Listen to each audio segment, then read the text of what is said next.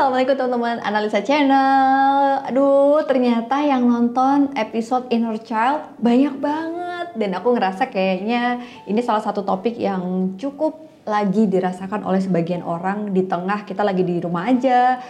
Waktu screen time kita lebih banyak. Dan struggle sama penyakit-penyakit hati Yang dibutuh nutrisi, uh, yang dibutuh, yang butuh di beri asupan nutrisi jiwa. Aduh gimana ya bahasa susah banget. Intinya sekarang karena kita lagi di rumah aja waktu kita ngeliat sosial media, scrolling-scrolling Instagram, TikTok lah sekarang ada, Twitter yang masih eksis juga. Itu tuh ngebikin kita tuh jadi ngerasa kayaknya susah untuk punya satu kesehatan mental yang lebih uh, tough dari sebelumnya.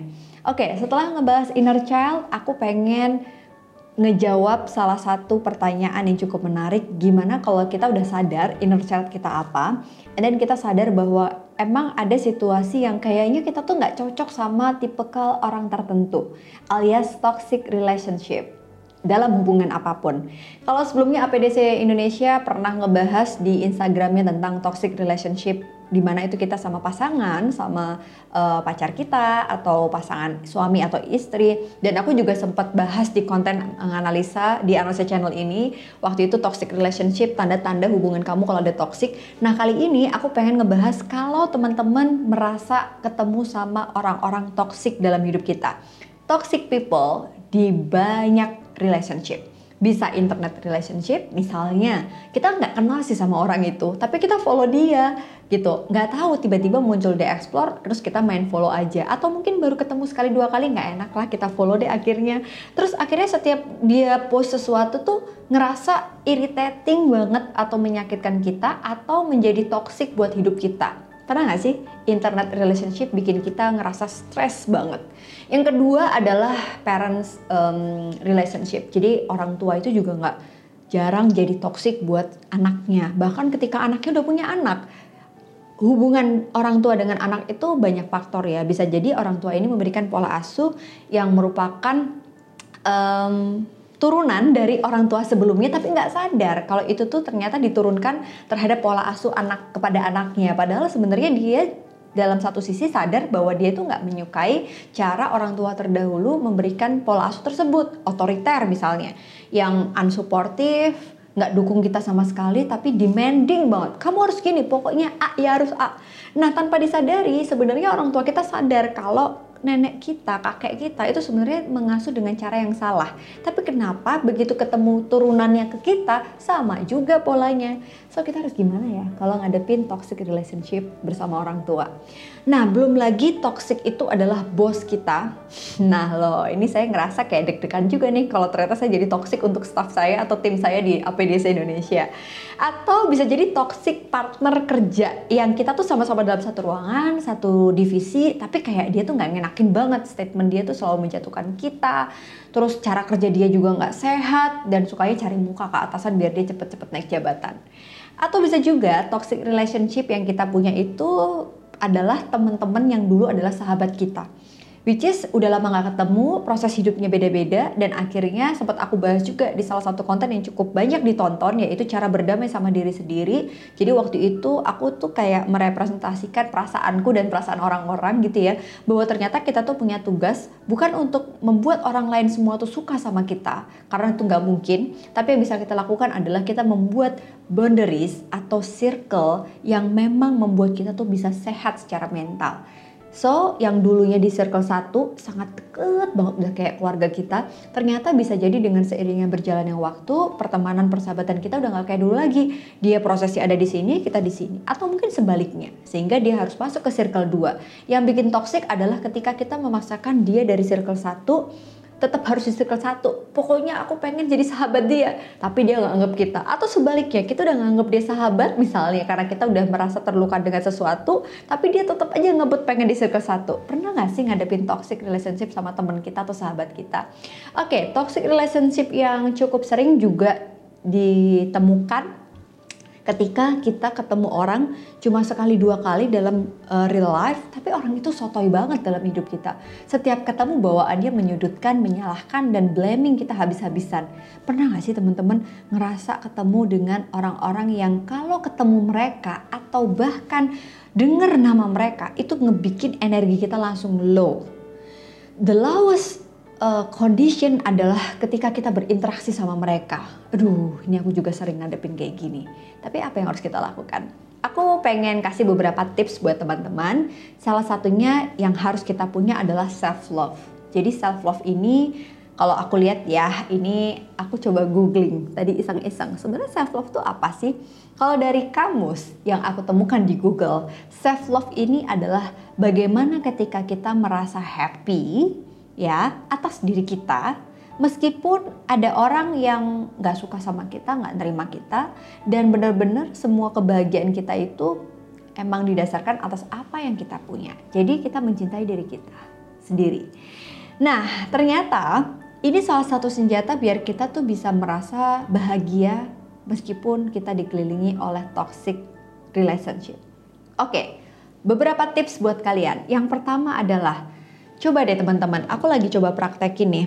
Jadi belakangan ini aku ngerasakan kayak di rumah aja tuh burnout juga ya karena selama ini ternyata yang aku sadar pekerjaanku ketika harus uh, ngisi training terus kemudian jalan-jalan keluar kota dalam perjalanan dinas itu adalah bagian dari coping ketika stres sama kerja. Jadi traveling itu hobiku. Jadi kalau harus kerja sambil traveling itu aku enjoy banget gitu. Nah ternyata ketika travelingnya dihapuskan karena pandemi ini, jadi aku ngerasa traveling itu tuh uh, cuma naik turun tangga dan bikin aku semacam nggak ada me time lagi gitu dan waktu kerja itu berasa lebih dari 24 jam, manajemen waktu juga jadi merasa menjadi lebih sulit dan rasanya tuh kayak susah untuk berbaik hati untuk istirahat karena merasa tidak produktif dengan di rumah aja padahal di rumah aja juga kerja terus gitu. Sampai akhirnya aku ngerasain burnout belakangan ini. Terus kenapa ya? Kenapa ya? Oke, aku coba cari cara uh, untuk tahu masuk ke dalam diriku. Pertama mungkin karena selama ini sering banget ngisi materi tentang mental health, training, counseling, energi yang aku kasih kan berusaha untuk positif ke orang lain. Uh, set effectnya, aku tuh jadi harus mengisi lagi energi positif. Nah ini yang aku kurang jadi kayak belakangan self love practiceku tuh lagi agak low. Terus apa yang aku lakuin teman-teman? Oke, aku belajar untuk lebih mencintai diriku dengan memulai hariku di pagi uh, banget. Aku tuh pengen olahraga atau meditasi. Jadi antara itu. Kalau nggak sempat olahraga, aku akan meditasi. Kalau nggak sempat meditasi, aku akan olahraga. Tapi dua hari sekali aku coba untuk lari, teman-teman. Nggak tahu kenapa aku lebih suka lari. Ketika orang lain pada sepedaan, aku malas sepedaan. Soalnya sakit. Kalau lari tuh ngerasa kayak lebih apa ya endorfin, oksitosin itu kayak ngerasa lebih banyak gitu nggak tahu kenapa deg-degan terus habis itu ambil napas gitu kalau sepedaan tuh kayak kurang ngos-ngosan kalau buat aku ya dan aku takut matahari sorry jadi ini orang beda-beda. Jadi dengan memulai hari apa pun deh mau olahraga sepedaan uh, yoga tai chi apa pun terserah yang penting mulailah harimu dengan sesuatu yang membahagiakan kamu which is itu meditasi mindfulness juga dipraktekin untuk uh, masuk ke dalam diri kita. Kenapa? Dengan melatih mindful dan kita belajar untuk memproduksi oksitosin itu tuh kayak memulai sesuatu yang positif untuk bahkan kita akan dapat sehari berapapun hal negatif tuh kayak jadi lebih tahan banting aja gitu. Nah yang kedua adalah kalau ketemu sama toxic relationship atau toxic conversation, toxic uh, communication dalam virtual maupun non virtual, oke okay, praktekin aja, ambil nafas dulu, hembuskan, ya ini nggak perlu kayak di depan orang yang bentar ya bentar ya. Itu nggak perlu tapi kita kayak otomatis ya when you can change your body's response you can change your mindset tuh itu kayak aku udah membuktikan dan itu sebaliknya it takes to the tango antara kita ngubah mindset kita atau badan kita Kenapa kita ngambil nafas sedalam-dalamnya teman-teman? Biar kita tuh tahu gitu, apa sih yang kita rasain? Sebel kah? Kesel kah? Atau apa pun itu.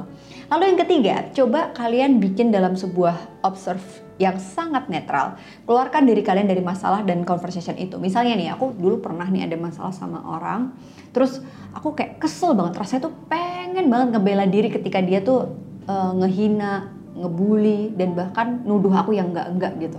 Tapi kalau aku pikir-pikir lagi, yang aku lakukan saat itu, kalau aku ngebales dia dan konfront dengan enggak, aku enggak kayak gitu gitu. Awalnya sempat kayak gitu, terus aku dapat masukan dari suamiku. Orang-orang kayak gitu tuh ternyata nggak peduli loh, kamu tuh kesel, kamu tuh sedih, kamu tuh marah. Namanya toxic people. Mereka itu don't care apa yang kamu pikir dan perasain. Jadi nggak perlu ditunjukin, observe aja. In case ya kalau emang dia tuh dalam situasi yang nyalain kita terus, observe aja terus. Apa yang kita lakukan? Observe as if seolah-olah kita itu bukan diri kita dan bukan dia. Jadi dengan kondisi yang netral kita bisa tahu kenapa sih dia ngehina kita, kenapa sih dia ngemojokin kita, dan kita nggak mungkin ngebela diri karena posisinya kita bukan kita. Ketika kita observe, kita melihat oh memang waktu itu aku tuh memang annoying, jadi menjengkelkan. Jadi wajar kalau dia kayak gitu ke aku. Nah, dengan seperti itu kita punya satu refleksi empati yang bisa kita gunakan. Lah, setelah observe, kemudian yang keempat adalah kalau memang terpaksa harus terus berkomunikasi dengan toxic people ini, teman-teman coba deh. Sekarang aku pengen kalian melatih diri kalian untuk tidak say negative comment apa pun ke mereka tapi kasih positive comments. Contoh misalnya ketika dia bilang, ih kamu nih gitu aja nggak bisa sih, uh, bego banget gitu. Atau misalnya, ih hidup kamu tuh enak banget ya, kamu tuh kayaknya nggak pernah susah ya dalam hidup, makanya kamu tuh kelihatan nggak pernah empati sama orang lain. Atau ih dia itu ternyata plagiat ya, ih dia tuh ikut-ikutan ya. Ketika kita menggunakan statement enggak, aku tuh nggak kayak gitu. Nih orang makin senang, makin happy. Karena dia don't care kita tuh ngerasa apa pun gitu. Because apa? Toxic. Namanya toxic ya, yang nggak baik. Maka kita nggak perlu memberikan satu konfrontasi yang seolah-olah kita ngebela diri. Coba deh mulai dengan kata-kata gini. Menarik ya, kamu nuduh aku ikut-ikutan kamu. Menarik ya ketika kamu bilang aku nggak kompeten. Menarik ya, kamu bilang aku tuh nggak pernah susah dalam hidup. Menarik ya, Nah ketika kita bilang menarik ya, itu tuh kayak dia tuh semakin gondok gitu. Orang masuknya dia tuh ngejatuhin kita, kenapa kita tertarik? Itu triknya teman-teman. Nah secara psikologis itu kayak kita tuh seolah-olah sedang menyampaikan bahwa hal yang dia sampaikan secara negatif tuh nggak berarti dalam hidup kita. Smiling aja, senyum aja. Seolah memang kita itu udah kuat dari sananya. Walaupun dibalik itu kita struggle banget teman-teman. Nah yang paling terakhir nih tipsnya berproses lah. Setelah kita ketemu sama toxic people itu apa sih yang kita refleksikan? Ya iya ya ternyata habis ketemu sama orang kayak gitu, orang kayak gini, hubungan kayak gini, relasi kayak gitu, ngebikin aku harus belajar sesuatu. Berproses ini nggak bisa sehari dua hari teman-teman, tapi setiap hari. Siapa tahu kehadiran mereka akan membuat kita lebih baik lagi di ke depannya. Dan teman-teman, kalau kalian pengen mempraktekkan semua yang tadi udah aku sampein, tips-tips ini tadi, coba deh mulai dari hal yang paling sederhana. Latihlah mindfulness kalian. Mindfulness ini akan sangat uh, penting untuk memulai hari kita. Kesadaran kita secara utuh. Nah, kalau kamu pengen tahu kayak apa, Analisa punya podcast yaitu menganalisa. Caranya di Spotify. Kalau kamu pengen tahu podcast aku, barusan aku juga posting tentang eh belum tahu nih duluan mana yang uh, tayang ya. Tapi pokoknya cari aja dari Spotify menganalisa. Itu ada satu uh, episode 10 menit atau 15 menit guidance untuk kalian yang pengen meditasi secara mindful dan juga di mix sama forgiveness atau memaafkan masa lalu kita. Sangat relate sama inner child. Terus kalau kalian pengen tahu APDC sekarang Insya Allah akan ada podcast APDC ya cari aja APDC podcast di Spotify juga dan kalau kamu suka sama konten-konten kita share sebanyak-banyaknya karena menurut aku toxic people ini akan habis di muka bumi kalau kita berhenti juga jadi toxic untuk orang lain. Thank you udah nonton Analisa Channel. Jangan lupa subscribe dulu, hidupin lonceng kamu, dan kasih tombol like untuk kamu yang suka sama video ini. Buat yang kayak gini, nggak apa-apa sih, aku tetap akan bikin konten yang banyak, yang positif, karena aku yakin begini ini siapa tahu kepencet, ya kan? Thank you ya, Assalamualaikum, bye!